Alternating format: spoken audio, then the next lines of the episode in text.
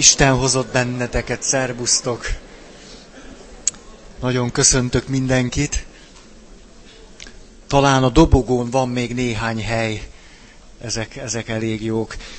Minden esetre én azért elkezdek beszélni, ti meg csak érezzétek jól magatokat.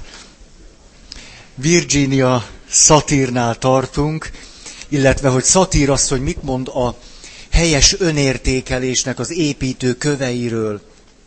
Mert hiszen az önértékelést, vagy az önbecsülést szinonimaként használom ezt a két kifejezést, azért hoztuk nagyon előtérbe, mert azt mondja szatírasszony, hogy ha van helyes önértékelés és önbecsülés, akkor tudunk egyek lenni magunkkal, akkor tudunk hitelesek lenni, a hitelesség szót nem a szónak erkölcsi értelmében használva, hanem tágabb értelemben, és ha hitelesek vagyunk, önmagunkkal tudunk azonosak lenni, akkor az azt jelenti, hogy tudunk hitelesen kommunikálni, és ha tudunk hitelesen kommunikálni, akkor lehetőségünk van arra, hogy jó emberi kapcsolataink legyenek olyan értelemben, hogy abban mind a két fél számára egy megfelelő helyzet tudjon kialakulni, ami viszont egy házastársi kapcsolat, családi kapcsolatrendszer szempontjából döntő.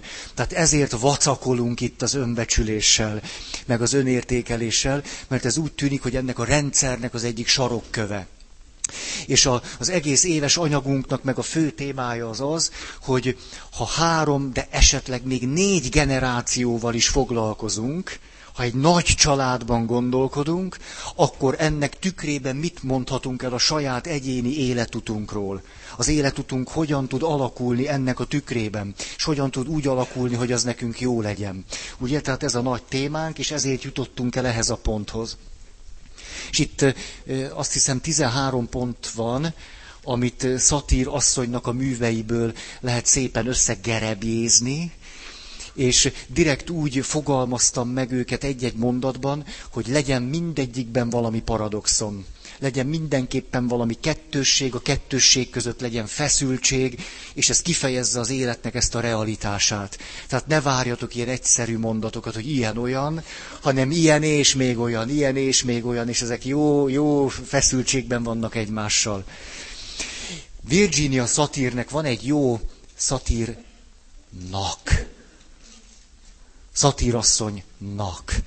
Van egy, egy jó képe az önbecsülésről. Ismeritek? Biztos. Azt mondja, hogy egy ilyen farmer világban nőtt ő föl, nálunk ezt úgy hívják, hogy tanya, és arra emlékszik vissza, ugye már meghalt, tehát elég régen született hozzánk képest, és azt mondja, hogy, hogy mikor az önbecsülésről keresett valami, valami képet, akkor valahogy eszébe jutott ott az ő, nem tudom, hogy a farmerek paraszt gazdaságban élnek, ezt lehet mondani? Nem, farmer gazdaság. Tehát, hogy ott a farmer gazdaságban, hogy a családjukban kint volt egy hatalmas kondér, és a hatalmas kondért ahhoz képest, hogy milyen évszak volt, különböző dolgokra használták.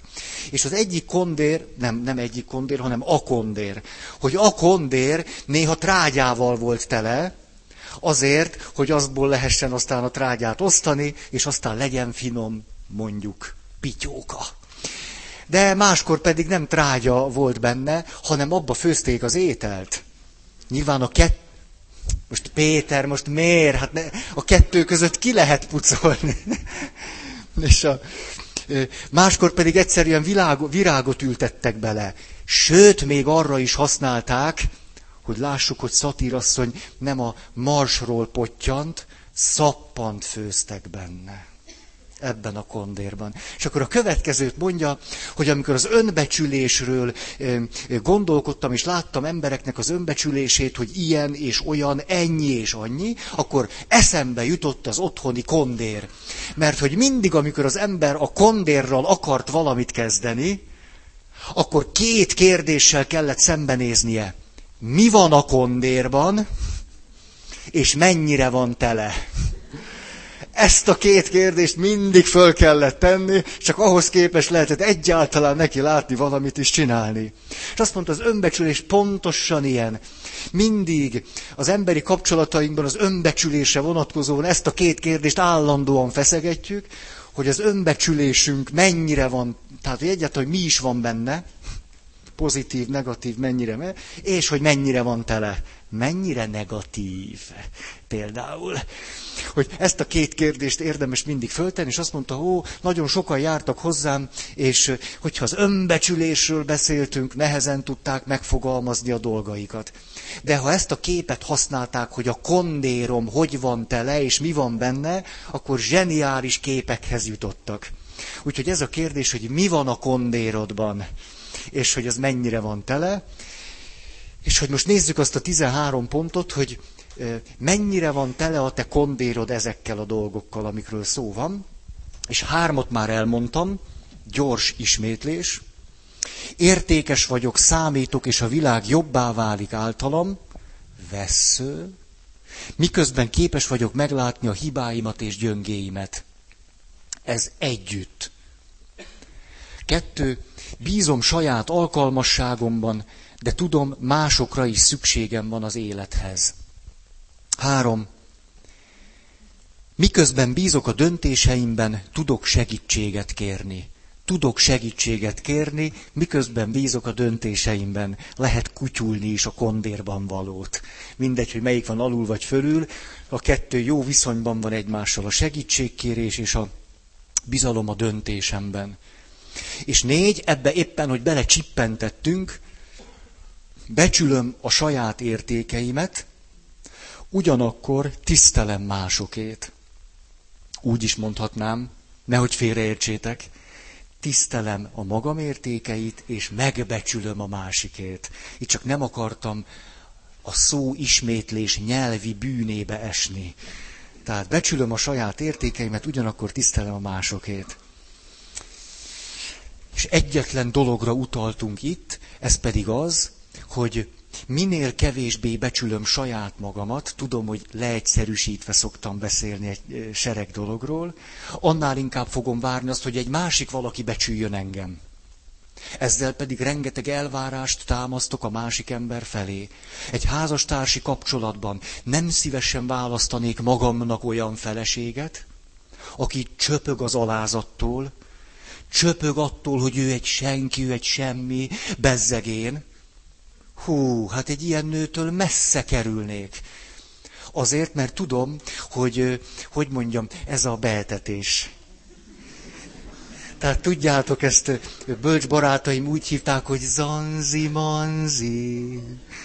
Tehát, hogy nagy áhítattal van irányomban, mondjuk, képzeljük el. Ó, Feri, ó, így, ó, úgy. Mi, mi ennek az árnyéka?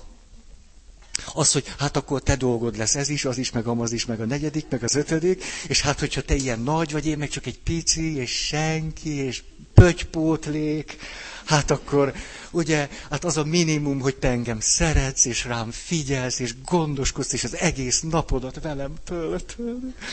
Na tudod mit? A... Tehát a férfiak itt nagyon tudnak lépre csalódni, ezt a szót én találtam ki. Lépre csalódtok. Ugye egy-két évig rettenetesen tetszik nektek a női zanzi-manzi, és aztán utána ötven évig melózhattok.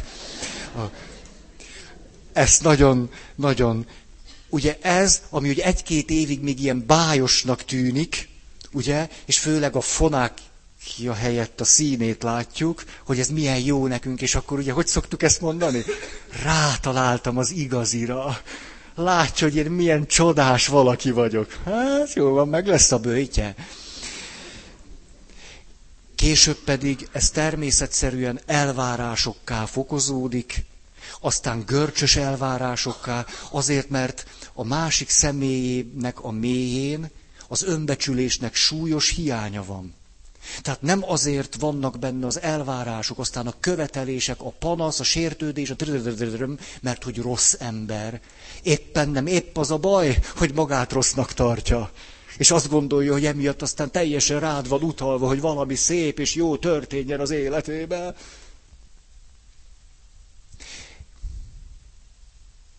Hallottatok már olyasmit, mikor egy, az egyik fél azt mondja, annyira szeretek veled lenni, mert veled olyan izgalmas az élet. Veled olyan színes. Hát, és nélkülem nem az. Hát, ha nélkülem nem színes az élet, ajjajjajjajjaj. A szörnyű, az katasztrófa. Hm? Emlékeztek annak a kedves ismerősömnek a bölcsességére hogy nem a pasi hozza a boldogságot, hanem a boldos, boldogság termi a csávót. A magyar ugaron ott terem a csávó, hogyha a nő elég boldog, és azt gondolja, hogy az élet csávó nélkül is élhető. De azt gondolja, hogy nem élhető és szörnyű egy csávó nélkül, marad az ugar. Na most, itt aztán nagyon könnyen beáll az a családi dinamika, tudom, hogy mindent egyszerűsítek, de hát... Hogy mindig kettős szerepben vannak csak, és pont az egyik lényegi eleme hiányzik a klasszikus szerepeknek, vagyis mindig van egy önbecsülésében, kicsi vagyok, béna vagyok, hülye vagyok, inkompetens vagyok, és akkor van egy másik, aki pedig akkor ugye ő a kis szerencsétlen hülye gyerek, de akkor van egy másik, aki meg a, a, a szülő. És akkor ő ezt a kis picit simogatja, és pátyolgatja, dédelgeti, és szeretgeti. Jó esetben néha tudnak szerepet cserélni, tehát megengedik egymásnak, hogy néha az egyik legyen nagyon béna, és a másik szeretgesse, aztán fordítva. Ez még a legjobb fölállás ebben a rendszerben. Ennél rosszabb, ha mindig csak az egyik a kis pátyolgatni való, és a másiknak mindig erősnek kell lenni. És ennél még rosszabb a helyzet, hogyha nem elégülnek ki ezek az, ezek az egyszerű vágyaink, hogy, hogy te, te, te teszel engem boldoggá, veled van a biztonság, az öröm, a boldog, akkor az történik, hogy a gyerekből lesz egy akaratos gyerek, egy lázadó gyerek, egy kritikus gyerek, egy szüleibe belerugdosó gyerek, a szülőből lesz meg egy direktívákat adó szülő. Úgy megmondja, édesfiam, az, tehát megmarad a szülő-gyerek dinamika a párkapcsolatban, de boldogság az már nem sok van benne. Amiből óriási hiány van itt ilyenkor, az a felnőtt. A magát helyesen értékelő felnőtt, aki magát is, a másikat is, meg a kontextust is egész világosan látja. Tehát ezért van olyan óriási jelentősége annak, hogy alázat, meg mi, nem, nem jutnak eszembe ezek a katolikus kult szavak teljesen már ki. Teljesen, sajnos ez a másodlagos szocializáció nem sikerült elég jól. Hát, alázat és engedelmesség és micsoda? Önfeláldozás. Ó, neked, neked, vé... ó. Ó, ó. Tehát igen, igen, és akkor annak a barátai. Úgy van. Önmagamról való teljes lemondás, és én alávetem magamat, és ja, és hát a nő engedelmeskedjék a férjének. Abszolút. Hát ez, ez a minimum. Na tehát, hogyha valaki teljesen beszorult ebbe a világba, nem irigylem a férjét. Kóla? Azt meg nem iszunk, olyat nem, kólát, azt nem. Rendes katolikus lány nem iszik kólát esetleg csak Coca-Colát. Pepsit én se iszom. Nincs az a pénz, akkor inkább a víz. Na, azt mondja, ezt úgy is mondhatnám, hogy amikor valakiben az önbecsülés hiánya révén egy olyan világ alakul ki, hogy önmagam helyett is másokat szeretek. Tehát, hogy másokat önmagam helyet kell szeretni. Akkor vagyok rendes katolikus, keresztény, evangélikus, református, baptista, unitárius, és a többi.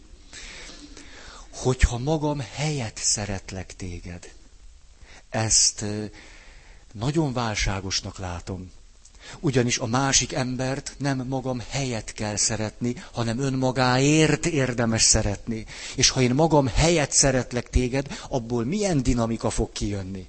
Nem leszel egy kicsit áldozat? Ez nem fogsz strigulázni, hogy magam helyett most te kaptad, neked hoztam, neked csináltam, rád szántam, tied lett, úgy lett, hogy te akartad, dim, dim, dim, dim. Szépen telik a főkönyv. Ugye, és a végén benyújtod a számlát. Én érted éltem, és te... Tehát másokat nem önmagam helyet kell szeretni. Magamat is szeretem, és téged, meg tégedért szeretlek. Értitek? Tégedért. Annyira szeretem a szóalkotást.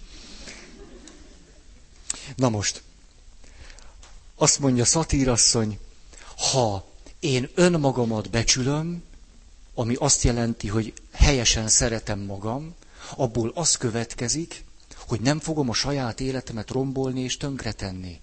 Vagyis nem leszek szenvedélybeteg, és nem tudom én micsoda, de közben pedig eszem ágába sem jut, hogy téged olyan helyzetbe hozzalak, hogy te engem tönkretehessél. Hát egyszerűen a helyes önbecsülés megóv engem attól, hogy egymást kölcsönösen elpusztítsuk. Olyan párkapcsolati dinamikákat szoktam látni, hogy egy óra is sok nekem belőle. Komolyan utána beveszem a C-Max, Vital Plus, Béres csepp, plusz tabletta, ezeket mind egy óra után. Ú, hogy, hogy valahogy helyre rázódjak hogy hogyan, hogyan tud ez rendszerré összeállni, és kölcsönösen hogyan purcantjuk ki egymást, de totál. És ilyen reménykeltő igéket szólt még Ajka. Tehát, ha jól bánok önmagammal, alig ha fogom megengedni, hogy te rosszul bánjál velem. Ha tudom, hogy mit jelent, hogy jól bánjak magammal, nem fogom megengedni, hogy te rosszul bánj velem. És nem fogok beijedni, hogyha ezt ki kell fejeznem, hogy ez nem esik jól. Na most. Igen. És akkor azt mondja még szatírasszony, nagyon fontos az, hogy az önbecsülésünkbe beletartozzon minden részünk. Ebben is tudunk hihetetlenül moralizálók lenni. Vannak jó részeink és rossz részeink. És az önbecsülést úgy értelmezzük, hogy a jó dolgainkat becsüljük, a rosszakat megvetjük. Miközben a rossz részeink sokszor a, a, a világosabb látásnak a kulcsai. Hihetetlen, hogy ez körülbelül olyan, mint amikor lázad lesz, akkor azt mondja, ez a rohadt láz, ez a rohadt láz nem lenne, most egészséges lennék, dögöljön meg a láz, a láz rossz. Na, ez, ez hova fog vezetni? Hát ettől még nem leszel egészségesebb, becsmérelhető, ez nem normális a láz. Nem, az a normális 36,7. 8. Maximum. Egy katolikusnak 36-8-nál nem megy följebb a láza. A hőemelkedés már talán a sátán nincs elkedése. Mert nem normális. Rossz. Miközben a láz teszi a dolgát, és azt mondja, hogy ha figyelj már, tédi egyensúlyvesztés. Nem? Amikor végül belerúgsz otthon a macskába, mekkora fölkiáltó jel, hogy már 25 évvel ezelőtt elvesztetted az egyensúlyot, csak most lendült a lábad. Minden, amit egyébként moralizáló szempontból néznek sokan, az hihetetlen, izgalmas, kincses bánya arra nézve, hogy lássuk, hogy hol vesztettünk, hogyan vesztettünk egyensúlyt. Hó, hát miért kellene ezek fölött moralizálni? Ezzel nem azt mondom, hogy ne legyen erkölcsi tartásunk, hogy ne legyen bennünk etikai szilárdság, mert legyen. De nem mindegy, hogy azt gondolom, hogy az etikai szilárdságnak az az ára, hogy a személyiségemnek egy részére azt mondom, hogy jó, a másik részére, hogy rossz, és akkor azt ütöm, vágom, püfölöm, hallatlanba veszem, szídom, próbálok úgy lenni, mintha nem volna. Pedig szegény annyira jót akar nekem. Jót akar. Például tegnap elaludtam. Ez nem rossz dolog. Mert aki elalszik, az többet alszik. Az elalvás hasznos. Az egészség szempontjából üdvös. Nagyon jó. A szervezetem úgy döntött, hogy aludni szeretne még. És így ráhúztam még fél órát. Nagyon jól esett. Az más kérdés, hogy elkéstem. Az elkésés nem erény, ki akarja ezt át, átvariálni. De miért kellene magamat szidalmazni azért, hogy lehettem ilyen hülye, hogy elalszom? Szoktatok ilyet csinálni? Hogy lehetek ennyire béna, hogy elaludtam? Miközben a szervezeted valami jót tett veled. Nem?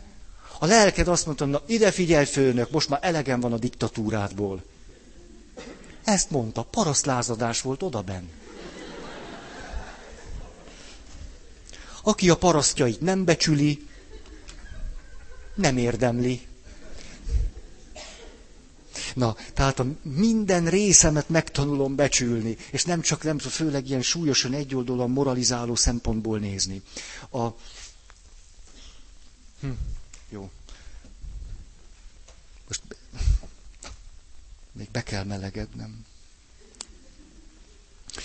Igen, itt, hogyha Carl Gustav Jungot olvasgattok, az árnyék címszót keressétek meg. Hogy mit kezdünk az árnyékunkkal, amiről valamilyen szempontból azt mondjuk, hogy rossz. Sajnos, éppen egy fed, fekete pedagógia nagyon elmélyíthette bennünk azt, hogy a személyiségünknek bizonyos dolgait jónak, másokat rossznak tartsunk.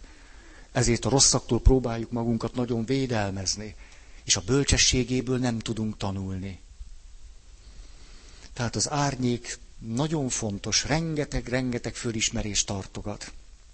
Öt. Nem korlátozzuk az érzelmeinket szabályokkal. Ez már így önmagába is szép, ugye?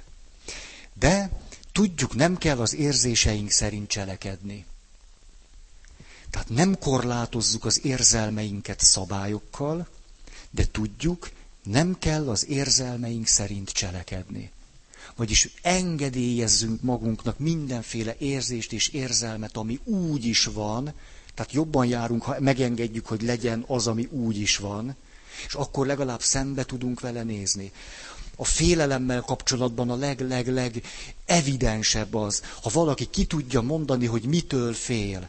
Aztán meg tudja mondani, hogy miért is félek ettől. A félelem rögtön enyhül. Rögtön. A, a félelmeknek egészen-egészen pici rétege az, ami a kimondástól megsenyekken. Nagyon-nagyon kis százaléka.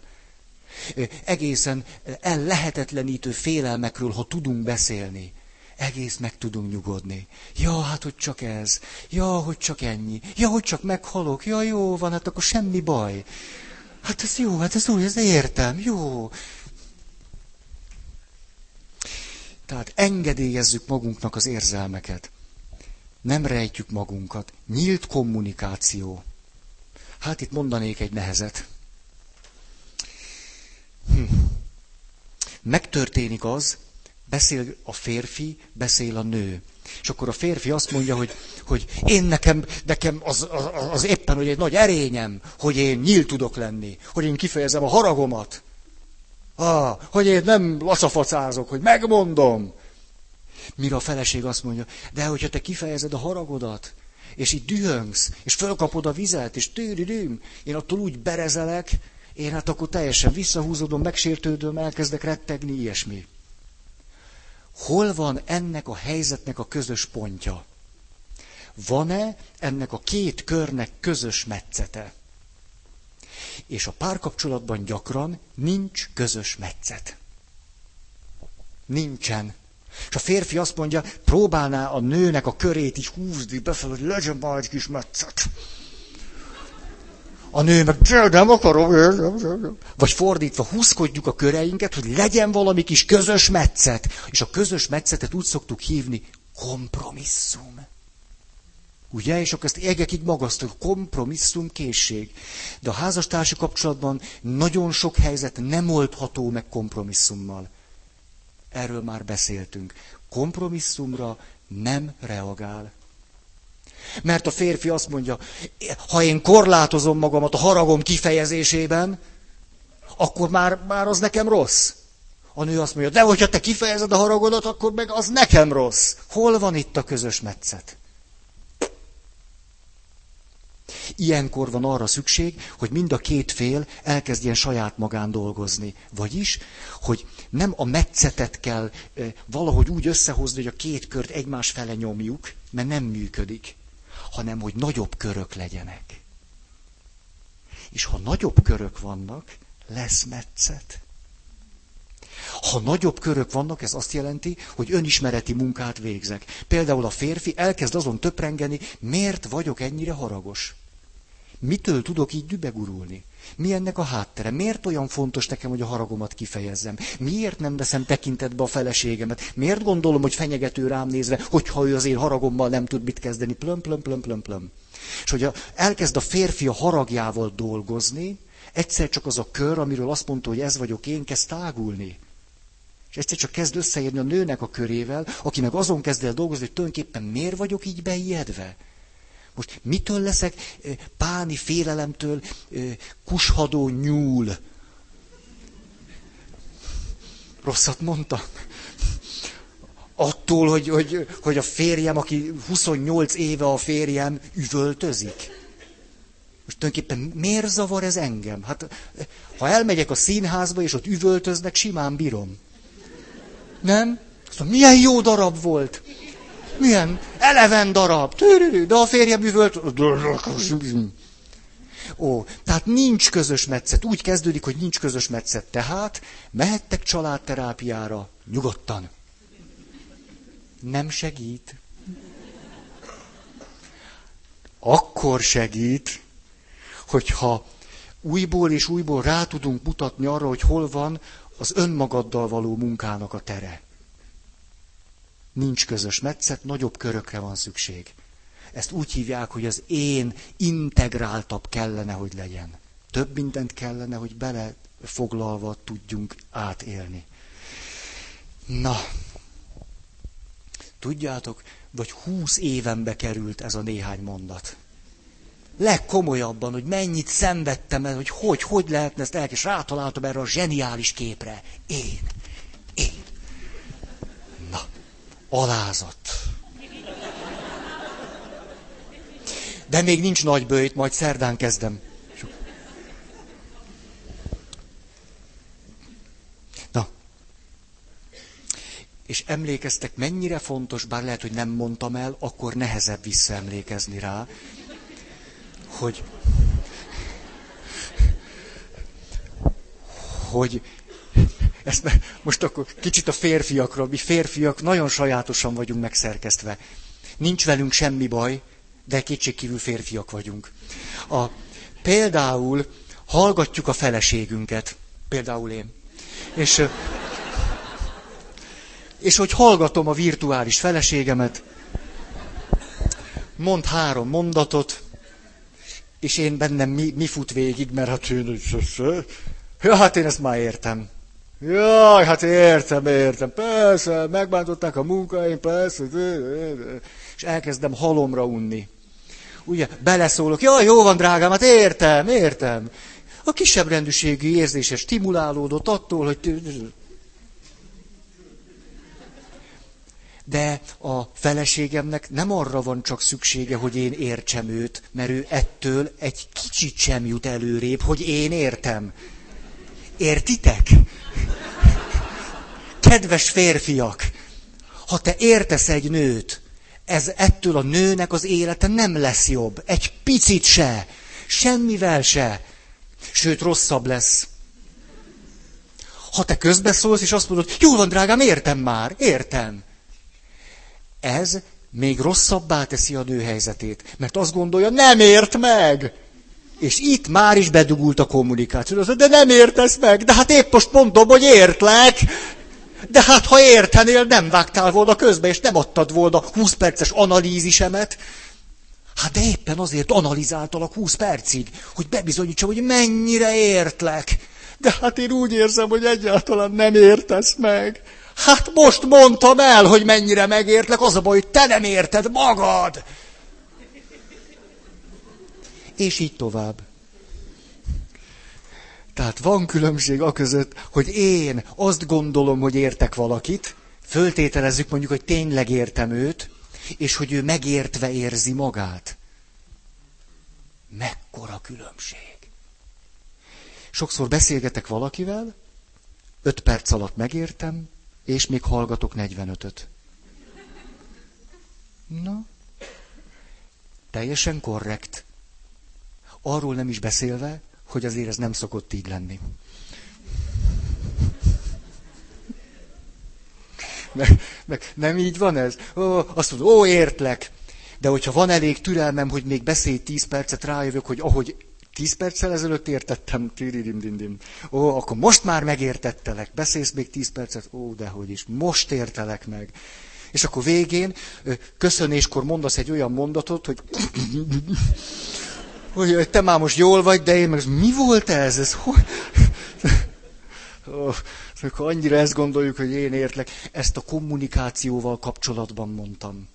Nem tudunk eleget meghallgatni. Nem, arra nincs elég idő soha. Tényleg, ha, ha megtanulunk meghallgatni, ha, boldog párkapcsolat elé nézünk. Két ember, aki hallgat, nagyon szép. Itt a, tudjátok, a gyerekek, hogy a kapcsolat, meg boldog párkapcsolat, tudok nagyon szenyó lenni. Balázs áldás volt vasárnap. Kaptátok? Jól van. Na most, szent, mondom a szöveget. Gyertya, Szent Balázs püspök és vértanú közbenjárására óvjon meg téged az Úr a torokbetegségtől és minden más betegségtől. Én úgy szoktam mondani, minden más bajtól. Ne smucigoskodjunk, tehát hogy csak a betegség, minden baj. Na, és a, mi a miből áll neki? Ő már onnan... Aztán majd ő eldönti, nem, hogy kinek mit. Most én korlátozzam őt. Nem, és Szent Balázs fogja a fejét odafönn. Jaj, már megint csak a betegségek miatt kértek. Hát közben annyi jó, tudnék pénzt is szerezni, meg mindent. De hát... Nem lehet, nem lehet, mert azt mondja a Feri, hogy minden betegségtől. Hát ha nincs pénzed, az nem betegség, hát akkor bocsi. Na, tehát minden baj, hagyd szóljon. És a, na, gyerekmise. Jaj, hát Szent Balázs, hogy így, úgy, a felnőttek, tudod, így unatkoznak. Na, de jön a szenyóskodás. Na gyerekek, eddig volt a bemelegítés. Most az a kérdésem, hogyan működik a balázsáldás?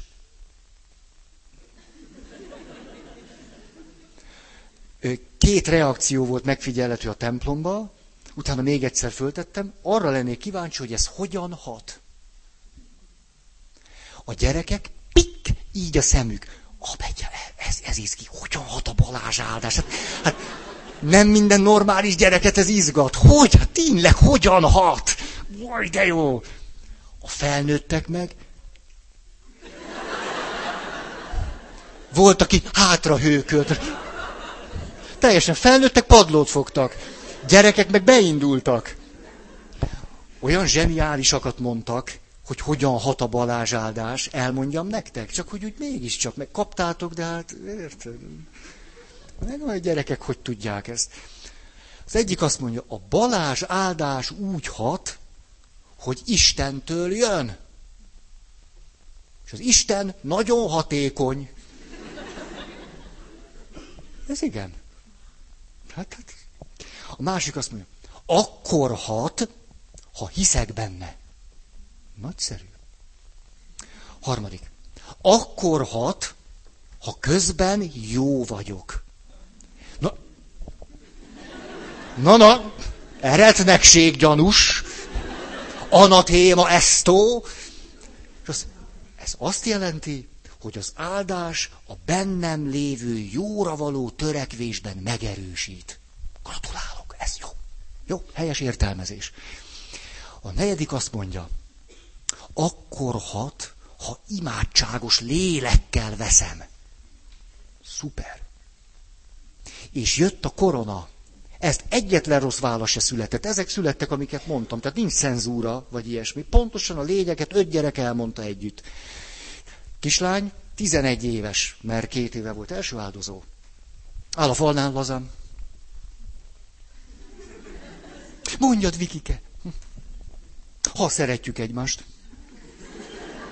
Ugye ettől szokott fölforni az agyvizem. Na, na, nem adom olyan olcsón. Mi az, hogy szeretjük egymást? Azt mondja. Feri atya, az úgy van, hogyha én szeretek másokat, és mások is szeretnek engem, akkor van kedvem élni, akkor élvezem az életet, és kevésbé leszek beteg.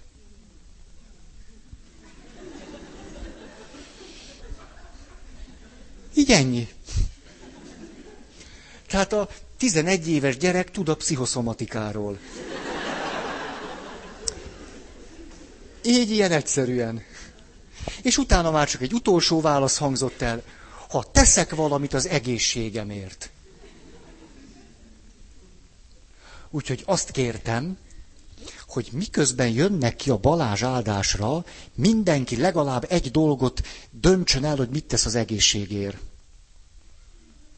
Legkomolyan. Nekem ne gyere úgy az áldásra, hogy megyek ki a templomba, aztán rágyújtok.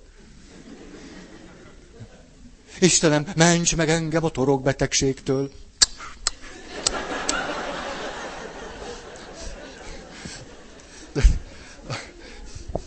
Itt megint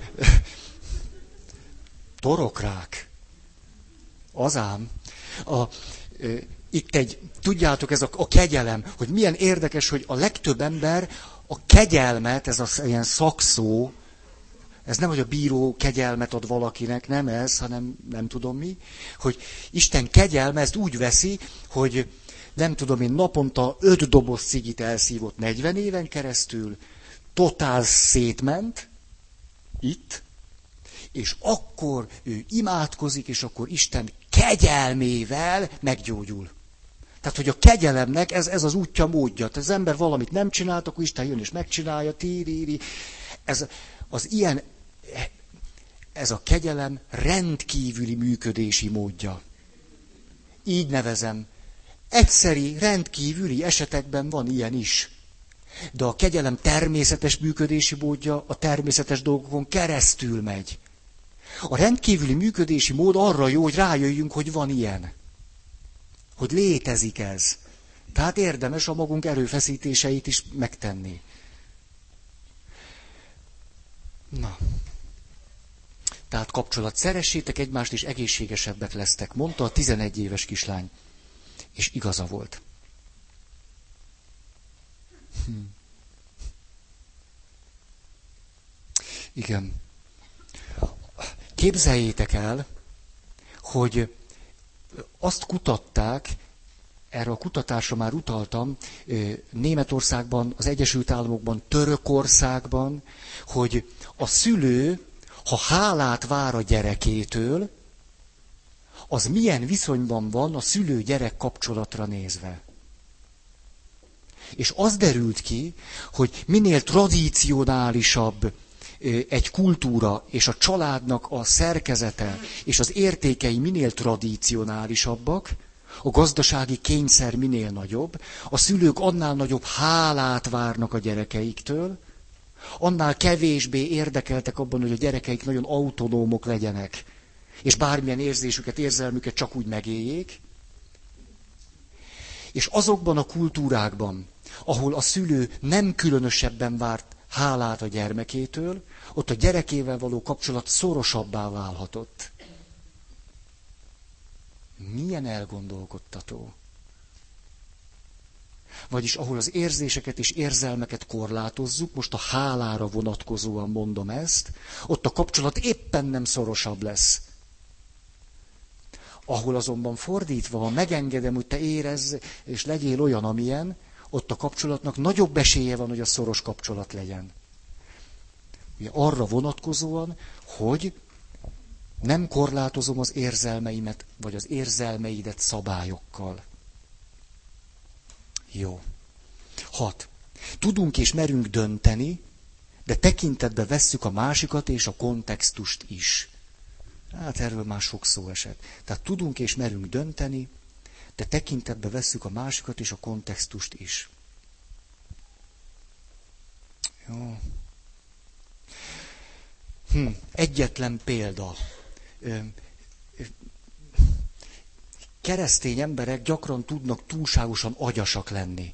Ugye, mert az érzések, az érzelmek, a test, az ösztönök, a tudatalatti olyan nagyon zűrös, gyanús világ. Ugye, mi az, amiben egy keresztény ember olyan könnyen látszólag rendet tud tenni? A feje. Ugye, abban szépen meg tudunk tanulni rendszereket, szépen igazságokat, ugye, és aztán hát a katolikus hit meg aztán különösen alkalmas erre. Nem? Minden pontokba van szedve. Régen volt a kis katekizmus. Ugye? Kérdés, válasz. Mi végre teremtette Isten az embert?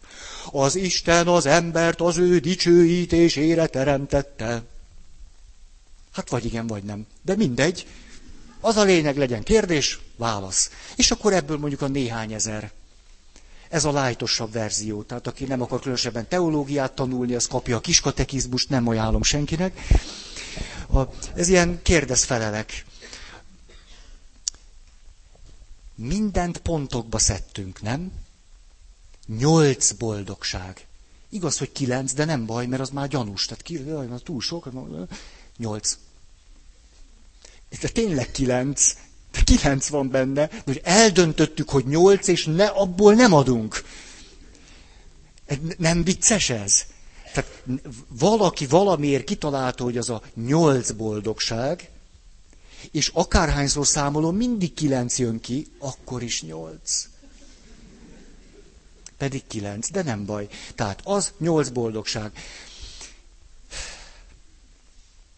Az Anya Szent Egyház öt parancsa. A hét fő bűn. A négy sarkalatos erény. A hét szentség. A tíz parancsolat mi van még? Tessék? Na. Jaj, hát igazad van, de olyan gagyi. Tehát a 12 apostol, hát persze. De... Név szerint? na, na, mit már, nem ezért jöttetek. Szóval, tehát pontokba szedjük, okoskodunk minden. A fejünkben látszólag rend van. Lehet is, hogy az élet nem olyan, nem zavar. A lényeg a fejünkben rend van. Rendes ember ezt csinálja, azt nem csinálja. Rendes ember így érez, úgy nem érez. Rendes ember ezt gondolja, azt nem gondolja. A lényeg, hogy itt rend legyen. Az élet meg egyszerűen ennek nem akar behódolni. Ugye? És akkor ilyenkor jönnek ilyen szakkifejezések, hogy Na hát a legdurvább megszállottság. Hallottátok már? Tehát például egy férfi megnéz egy nőt. A férfi tekintete rávetül a nő kebelére. Többször. A férfi tekintete olykor-olykor a nő ki szabad mondani ezt a szót? Hmm, pedig szép. Na, tehát. És akkor erre azt mondjuk, megszállott. Szexuális megszállottságban fetreng. Vagyis, hogy minden, ami úgy tűnik, hogy itt a fejünkben kialakuló rendezettségnek ellentmond, mert érzés, mert érzelem, mert ösztön, mert szenvedély, mert mit tudom én mi, akkor akkor ezeket lenyomjuk ilyenekkel. Ez katasztrófa. De miért mondtam ezt? Feri, hol tartok? Ja, ez az. Tehát, hogy tekintetbe vesszük nem csak magunkat, a másikat és a kontextust, tehát, hogy sok mindent képesek vagyunk tekintetbe venni, például a saját testünket. Hm. Itt most arra utalok, drága, aranyos, katolikus lányok. Tegye fel a kezét, aki... Szóval. Na most, hányszor hallok olyat, hogy öt éve jár egy fiúval, és utána nem tudom eldönteni. És kell nekem, nem kell nekem. Vannak jó oldalai, meg rossz, és akkor listát írok, ezekért érdemes vele megházasodni, azokért nem érdemes, ez nem, és ilyen döntésképtelenségek, mert itt a fejedben akarsz mindent eldönteni. Hm? Egyszerű kérdésekre van szükség. Vonze a szaga? Ez alapkérdés. Begerjedsz-e a szagától? Ha be, hm, hm, jó lesz, jó lesz. Épül egy szentségi házasság. Van-e komoly szexuális vonzalom? Ha van, ma mehet. Ezek egy szentségi házasságnak alapvető alapjai. Nem csak az, hogy olyan udvarjasan beszél az anyámmal.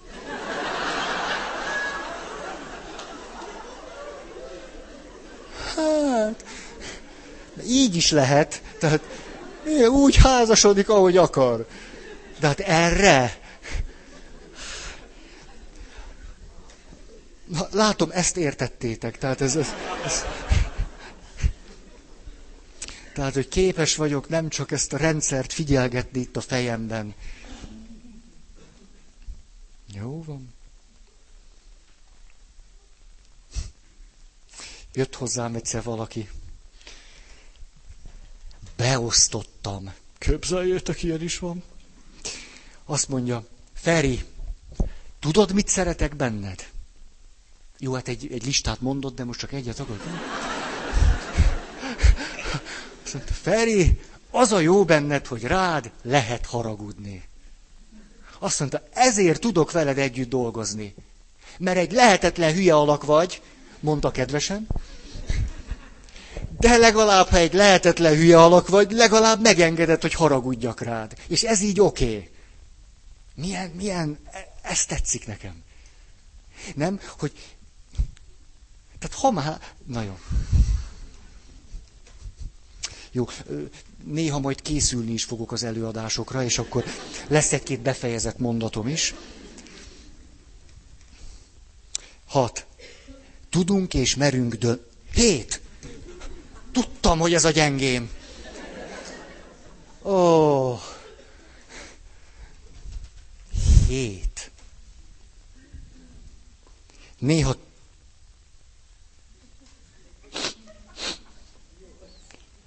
Milyen nyolc? Ne, ne, ne, ne, ne zavarincs meg. Próbálom itt a katolikus öntudatomat összeszedni, és te ilyet csinálsz. Néha teljesen kimerülünk, és tehetetlennek érezzük magunkat. De tudjuk, hogy ezek átmeneti krízisek. De szép a kettő együtt. Tehát attól, hogy valakinek van helyes önbecsülése és önértékelése, hogy áll két lábbal a földön, a kezével meg meg tudja érinteni az eget, vagyis, hogy úgy normális. Egy ilyen embernek is vannak krízisei, mélypontjai, egy ilyen ember is tehetetlen tud lenni, egy ilyen ember is tudja úgy érezni magát, hogy azt se tudja, hogy fiú vagy lány, vagy pap.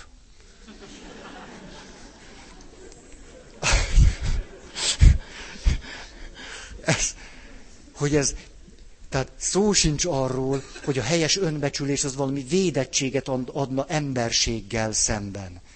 Tehát az nem, bármelyikünk ilyesmit átél. Csak ugye milyen nagy különbség van, hogy valaki, tudom, ezt is szoktam nektek mondani, tudjátok, a papnevelő intézetben minden év végén az előjárók konszenzuálisan írtak jellemzést a papnövendékekről. Nagyon is a papnövendékekről való jellemzést titkosan, zárt borítékba, hogy a papnövendék véletlenül se tudja azt, hogy hogyan gondolkodnak róla. Ugye, tehát ez a pedagógia egyik csúcsa, a 21. század. Tehát az nem történik, hogy leülünk, és akkor megbeszéljük. Azt nem. Zárt boríték csak a püspöknek. Aki meg nem is ismer, de ő most, na jó, mindegy, hagyjuk, hagyjuk. Jó, tehát zárt borítékban megy fel a jellemzés, az egyik barátom, egy nagyon jó pap azóta is következő jellemzési mondatot kap. Ugye ezt a szentelés után egy-egy ilyen mondatra fény szokott derülni. vagy ha az embert kirúgják a szemináriumból, akkor is szoktak ilyesmiről beszélni. És a, én az utóbbiban részesültem. Na és majd mondom, hogy nekem mik voltak a jellemzésemben. Egyet, kettőt talán. Tehát a következő volt a jellemzésében. Szokásos állapota a krízis.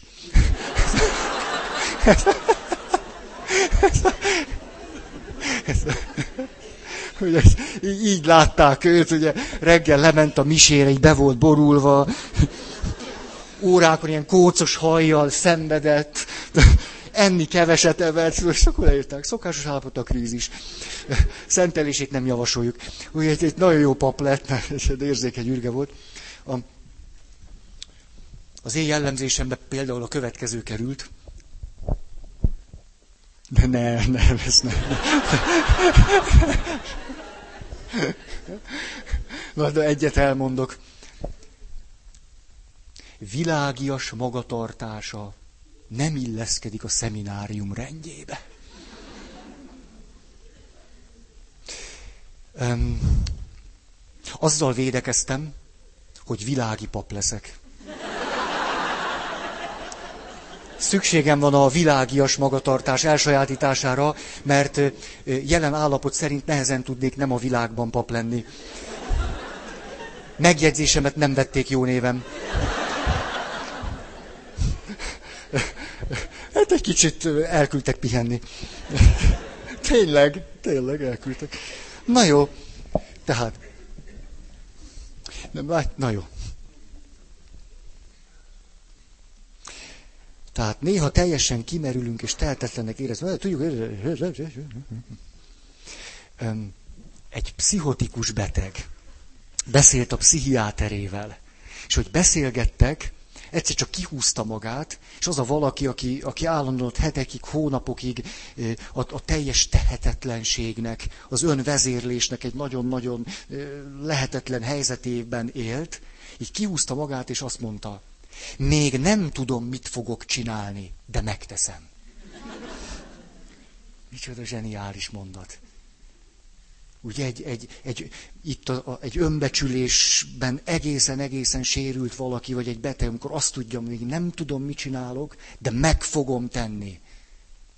Ú, ha ezt egy vezető politikus mondja,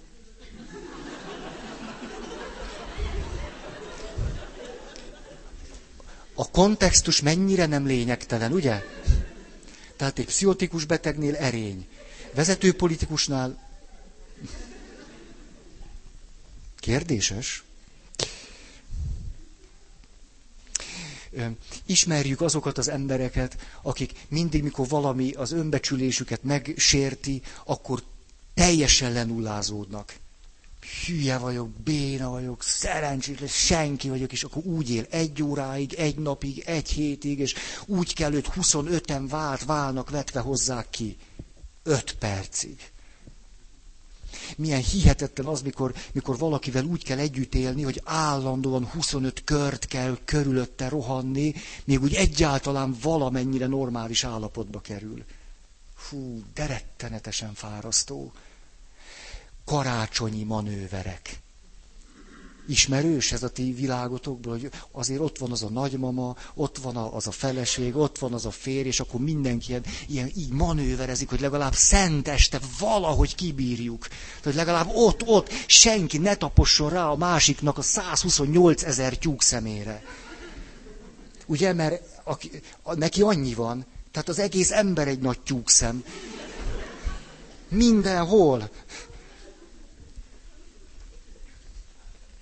Hát ha valaki egy nagy tyúkszem, nehéz nem a tyúk szemére lépni.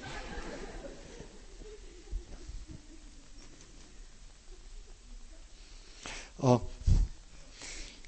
megtörtént, feküdt egy református hölgy a kórházban, teljesen le volt bénulva, 31 éves volt, több gyerek, több gyerekkel, és mentek hozzá, látogatták őt családtagjai, teljes a fejét tudta mozgatni, annyi. Mindene le volt bénulva, intenzív osztály. És feküdt mellette egy másik valaki, nem volt akkor vallásos, se hívő, se keresztény, és látta, hogy ez a valaki teljesen tehetetlenül bénán fekszik ott az ágyon, és valahogy van rajta egy derű. Ő pedig sokkal jobb állapotban volt, és tele volt. Mélypont, mélypont, mélypont, mélypont. Az már nem mélypont, hanem mély... Mi az? Gödör. Az kevés. Árok. Mély árok. És nézi ez, hogy a csudába van, hogy ez egy kedvesen rámosolyog a családtag, mit tudom én. És mikor elmentek, hogy szépen leszállt az este, az este nem száll le. Hát, de mindegy. És, és oda ment ez a református nő, és te, hogy én annyira szeretném a te hitedet. Hit, bizalom, önbizalom, önbecsülés. Hm. Annyira szeretném. Tudsz értem valamit tenni. Mire a másik, ugye látja, ez a kompetencia tudat. Úgy, én, jaj, hát nem, én nem vagyok a tizenkét apostol közül egyik se. Nem, nem, nem. Hát én nem, én csak egy beteg református vagyok. Mit is tehetek? Nem, hanem fekszik az ágyon, teljesen béna, tehetetlen, és persze, hogy tudok. Értitek ezt? Tudod mit? Majd én imádkozom a jó Istenhez, érted? Jaj, jaj, jaj. Másnap reggel jön hozzá a fésűt ez a, ez a mély árokban lévő ember, aki még sokkal jobb helyzetben van, mint a másik, mert ugye, hogy béna volt, ugye ő, ő fésülte, minden ott gondoskodott róla, így kezdtek el egymással beszélgetni. És akkor azt mondja ez a református, azt mondja, azt mondja tedd most le a fésűt. Hagyd most a fésülést, mert megimádkoztam én ezt a kérdést, hogy te a hitet akarsz, mint ami nekem is van, mondom a választ. Értitek? Na és akkor, hát az, nem, hogy a fésüt rakta le, értitek, a fenekét is, mindent. Mit szól az Úr? És akkor azt mondja, te! Isten azt üzente, tied is lehet ez a hit.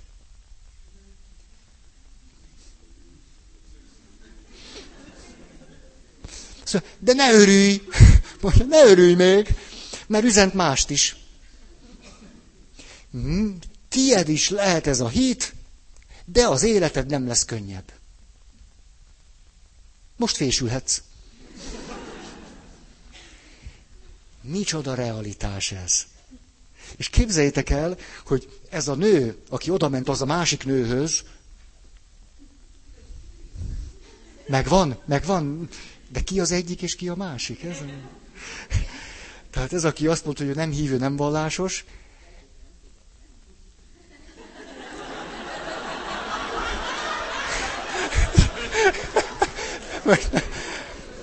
Valaki azt mondja, hogy hát az egyik nem tudott menni. Ez a differencia specifikája. Úgy van, úgy van. Tehát volt egy nő, akinek a differencia specifikája, az akcidentális járuléka az az, hogy nem tud járni.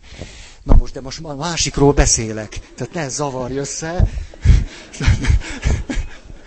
Tehát a másik azonban azt mondta, hogy neki milyen hihetetlenül sokat jelentett ez a mondat. Hogy az ővé is lehet, hogy neki ezt még így nem mondta senki. Hogy lehet, lehet, hogy csak, csak rajta lehet a tied is. És lett is, tényleg. És akkor ez történt, mit tudom én, húsz évvel ezelőtt volt nálam ez a hölgy, és azt mondja, tényleg tudok hinni, tudok bízni, de az életem nem lett könnyebb. Normális. Ez teljesen normális. A hittől az ember élete ilyen értelemben sosem lesz könnyebb, egy picit se lesz könnyebb. Olyan értelemben lehet, hogy könnyebb lesz, hogy éppen azért, mert van bennem hit, a dolgok azért egy kicsit más szint kapnak. Na. Tehát tudunk teljesen kimerülni és tehetetlennek érezni magunkat, de tudjuk, hogy ezek átmeneti krízisek. Nyolc. Belátom, ha hibáztam, de arra használom, hogy tanuljak belőle. Hát elég gagyi mondat, nem? Jó, ezt már annyiszor. De PHD-zett valaki, vannak ilyenek, és akiket nem rúgnak ki az egyetemről, azok még ilyesmit is csinálnak. Na jó. Képzeljétek, engem még az egyetem épületéből is kitiltottak. Nem hülyéskedek.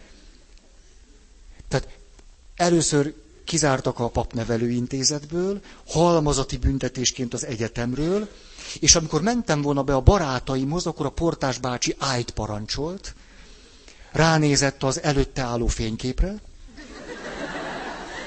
és azt mondta, sajnos az épületben nem tehetem be a lábam, legkomolyabban. De hogy megroncsam az ifjúságot. Na, tehát, hol, hol, PHD, köszönöm. PHD-zni akart az illető, és azt mondta, 16-17 éves bűnelkövetőket fogok vizsgálni. És az érdekel engem, hogy a bűn elkövetésnek a valószínűsége mivel korrelál. A hipotézisei a szakdolgozatához a következők voltak. Nyilvánvalóan a családi háttér, a szociális viszonyok, a kortárscsoport hatása, Ugye? Tehát amire gondolunk. Igaz? Tehát ugye oda született. Harmadszor léptem rá a zsinóra, András. Jó. András egy, azt mondja, amíg szól, nem baj. Hát ez, ez, szóval, e, ez tűnt teljesen evidenciának. Elvégezték a kísérletet, ugye kísérték ezeket a fiatalokat egy év, két év, tim-dim-dim, és kiderült, hogy nem így van. Azt képzeljétek el, hogy az derült ki, hogy a legegyértelműbb összefüggés a későbbi bűn elkövetéssel az önbecsülés szempontjából volt. Ugyanis azok a fiatalok, akiknek reális önbecsülésük volt, és a reális önértékelés párosult a környezetük, a világuk és a többi ember reális értékelésével, ők estek vissza legkevésbé. És ahol az önbecsülés is, és nyilván ezzel összefüggésben a te érzékelése, meg a kontextusnak a reális értelmezése gyönge volt, ott estek vissza jobban. És ez akkor is így volt, hogyha a családi háttér, a kortárscsoport, az örökségek és a szociális helyzet rosszabb volt, de az önértékelés reális és pozitív, ők kevésbé estek vissza, mint, mint fordítva. Lehet, hogy jobb helyzet, jobb körülmény, jobb szociális, és mégis jobban visszaestek. És a kutatók nem hittek ennek. Ugye, aki a, a, akinél PHD-ztek, azt mondta, hogy na ezt a kísérletet meg kell, ezt újból, újból meg kell csinálni. Mert ez ellent mond mindennek. Az önbecsülést, mint faktort, szinte csak úgy utólag, csak úgy betették a, a listába. Teljesen, ah, jó, rakjuk bele azt is. És kiderült, hogy az volt a legizgalmasabb. És végeztek még egy ugyanilyen mintán egy kutatást, és bár nem ennyire markánsan ugyanez jött ki. Ejha. Ejha. Azért szatírasszonynak vannak zseniális meglátásai. Hogy az önbecsülés miért olyan sarokkő. De hogy az önbecsülés, a másik értékelése, a kontextus reális értékelése mennyire fontos. Vagyis, hogy belátom, ha hibáztam, képes vagyok ezzel a realitással szembenézni, de tudok belőle tanulni. Jó? Kilenc. Vannak szabályok, amelyeket használok, de rugalmasan kezelem őket. Hú, ez, ez mondjuk díszkatolikus körökben istenkáromlásként hat. Egy szabályt rugalmasan kezelni. A szabályok azért vannak, hogy mint egy cöveg, beleüsd az orrodat, mert rugalmasan használni. Azt hiszem, hogy talán minnyáján láthattuk a Legyetek jók, ha tudtok című filmet. Ugye? Ez a mondat, éppen ennek a zsenialitásáról szól. Legyetek jók, ez a szabály, ha tudtok. Ez a hozzávaló rugalmasság. És hogy azt gondolom, hogy ezért volt az lehetséges, hogy olyan sokaknak ez a film annyira, annyira bejött. Mert ez a cím, meg az egész filmnek ez, a, ez, a, ez volt a lelkülete, hogy legyetek jók, tehát van szabály. De ha tudtokkal, ez az egész olyan emberivé vált. És azzal, ha azt mondjuk, hogy legyetek jók, ha tudtok, nem azt mondjuk, hogy hát nem kell komolyan venni azt, hogy legyetek jók. Nem azt mondjuk, úgyse tudtok jók lenni. hanem hogy legyetek jók, erre képesek vagytok, ezt te is tudhatod magadról, és bizony lesznek olyan helyzetek, mikor nem fog sikerülni. Na és aztán jön a következő helyzet, amikor meg sikerül. Ebben ez van. Legyetek jók, ha tudtok. Nagyon zseniális. Nagyon. Képzeljétek el, úgy szoktam csinálni, minden szemétségemre fény derül. Első áldozó gyerekek csoportja. Na én azt úgy csinálom, hogy az első áldozó gyerekekkel elsősorban a hitoktató néni foglalkozik, én meg a szülőkkel. Ami azt jelenti, hogy nálunk, ha valaki első áldozó akar lenni, jól rajta veszt. Mert minden más helyen a gyerek az első áldozó, a szülő meg otthon készíti az ebédet. De nem nálom. Ugyanis a szülő a gyerek elsődleges hitoktatója. Hát az Isten kép, erről mennyit beszéltünk? Hát a szülő múlik, nem a papon. A pap, hát valamicskét tud azon egy picit, picit. Hát a szülő az elsődleges hordozója az Isten képzeteknek, ezért aztán a szülőkkel kell foglalkozni, azt akarjuk, hogy a gyerek első áldozó legyen. Ah, combosan. És a szemétség abban van, hogy kötelező. Na mit szóltok? Csak azért, hogy a pozitív projekcióitok lefoszlódjanak rólam. Az, hogy Feri, hogy olyan jó, ilyen szabad, meg de hogy is, kötelező, nem jössz a gyereket, sose lesz első áldozó. Így van. Legkomolyabban. Tehát már csak azért is, mert pontosan egy hév megállót kell menni a következő templomig. Erről ennyit tudok elmondani. Ennyi. Tehát itt így megy, ott úgy megy, ez a szabadság. Hát ha, hát ha mindenhol ugyanaz van, abban mi a szabadság? Itt így van, ott úgy van, és akkor te szabadon válasz. Ezt én mindig az legelején megmondom. Mindenkinek adok elbocsájtót, ajánlást, minden, bárhova. De itt ez így van. És tudjátok, a szülők nem szoktak elmenni. Ez a legérdekesebb, hogy nem mennek el. Na és akkor vagyunk ebben a csoportban, és akkor beszélgetek, mindig vesszük ugyanazokat a témákat, amiket a gyerekek vesznek. Csak hát nem gügyögünk, hanem az, hogy is van. És, a, és akkor a szabályokra esett a szó, meg hogy jónak lenni, meg ugye, hogy, hogy majd most lesz az első gyónás, és hát akkor hogy? És akkor az egyik anyuka pironkodva a következőt mondja, tudjátok, én azt szoktam mondani a kislányomnak, hogyha lefekszel aludni, akkor láthatsz az ablakban két angyalt. Az egyik angyal azt mondja, legyél jó kislány. A másik angyal meg kacsint, és azt mondja, tedd úgy, ahogy a szíved diktálja. Na, mit szóltak? De akkor van ennek értelme, ha mind a kettő angyal, és együtt jönnek. Ugye ez a ez a legyetek jók, ha tudtoknak egy ilyen nagyon sajátos verziója. És ez az anyuka egyébként azon problémázott, hogy ő nem szokott templomba járni, és hogy ő nem is tudja, hogy normálisabb Isten képe van, mint a többi 28-nak.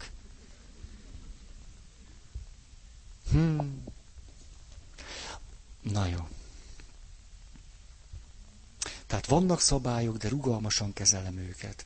A, már csak azért is, mert nagyon melegem van. Ja, ez nem a mondat második fele, ez csak úgy... Mert Jung apó olyan izgalmasan mondja azt, az emberi lelket illetően minden igaz, és az ellenkezője is. Ez zseniális. Hú, de tudja ez a mi európai fejünket bosszantani. Minden igaz, és az ellenkezője is. És hogy hányszor ütöttem be a fejem már, mikor megvoltak a nagy, nem tudom mi, okoskodásaim, hogy azért az nagyon fontos, hogy ez így legyen. És az illető tök fordítva csinálta, és úgy volt jó. hogy amikor egy totálisan olyan döntést hozott, ami minden megfelelőnek tűnő szabály és szabályszerűség ellen hatott, és az volt a jó döntés. Kifejezetten az vitte őt előre. Volt olyan, hogy azt gondoltam valakiről, hogy nem szabad elmennie papnövendéknek. Hogy őrültség, hogy elmegy. De, és igazam volt. Egyébként tényleg, abban, hogy nem, szabad, nem szabadna elmenni, hogy nem. De azt mondja, én elmegyek. Elment, ott hagyta négy vagy öt év után, és ezzel járt jól. Mert egy életre el tudta dönteni, hogy nem azt kell csinálnia. Az biztos. Ti még mind, hús, jól döntöttem, nem? Ő meg kipróbálta vastagon, hogy az milyen lenne.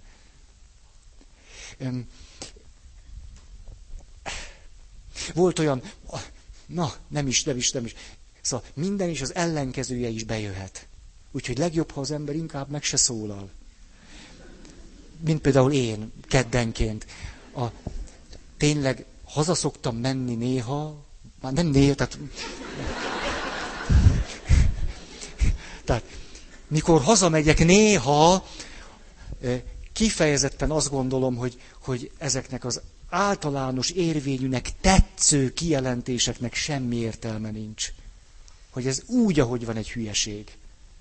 Hogy de nem, nem, szóval, hogy, hogy legjobb lenne hagyni ezt az egészet, hogy így, meg úgy, hogy legalább annyit torzít mindig a valóságból, mint amennyit kifejez belőle. Legalább annyit. Tehát mindig óriási kritikával vegyétek, amit mondok. Na. Igen. A pedagógia azt mondja erre, mennyire fontos, hogy a gyerek tudjon alkudozni a szülővel. Hogy legyenek szabályok, de legyen tere az alkudozásnak. Hí, mindjárt vége. Már most nem kezdek bele egy újba. Hm. Jól van. Akkor ezt most itt befejezetnek tekintem. Tudom, hogy van, aki szeretne hirdetni.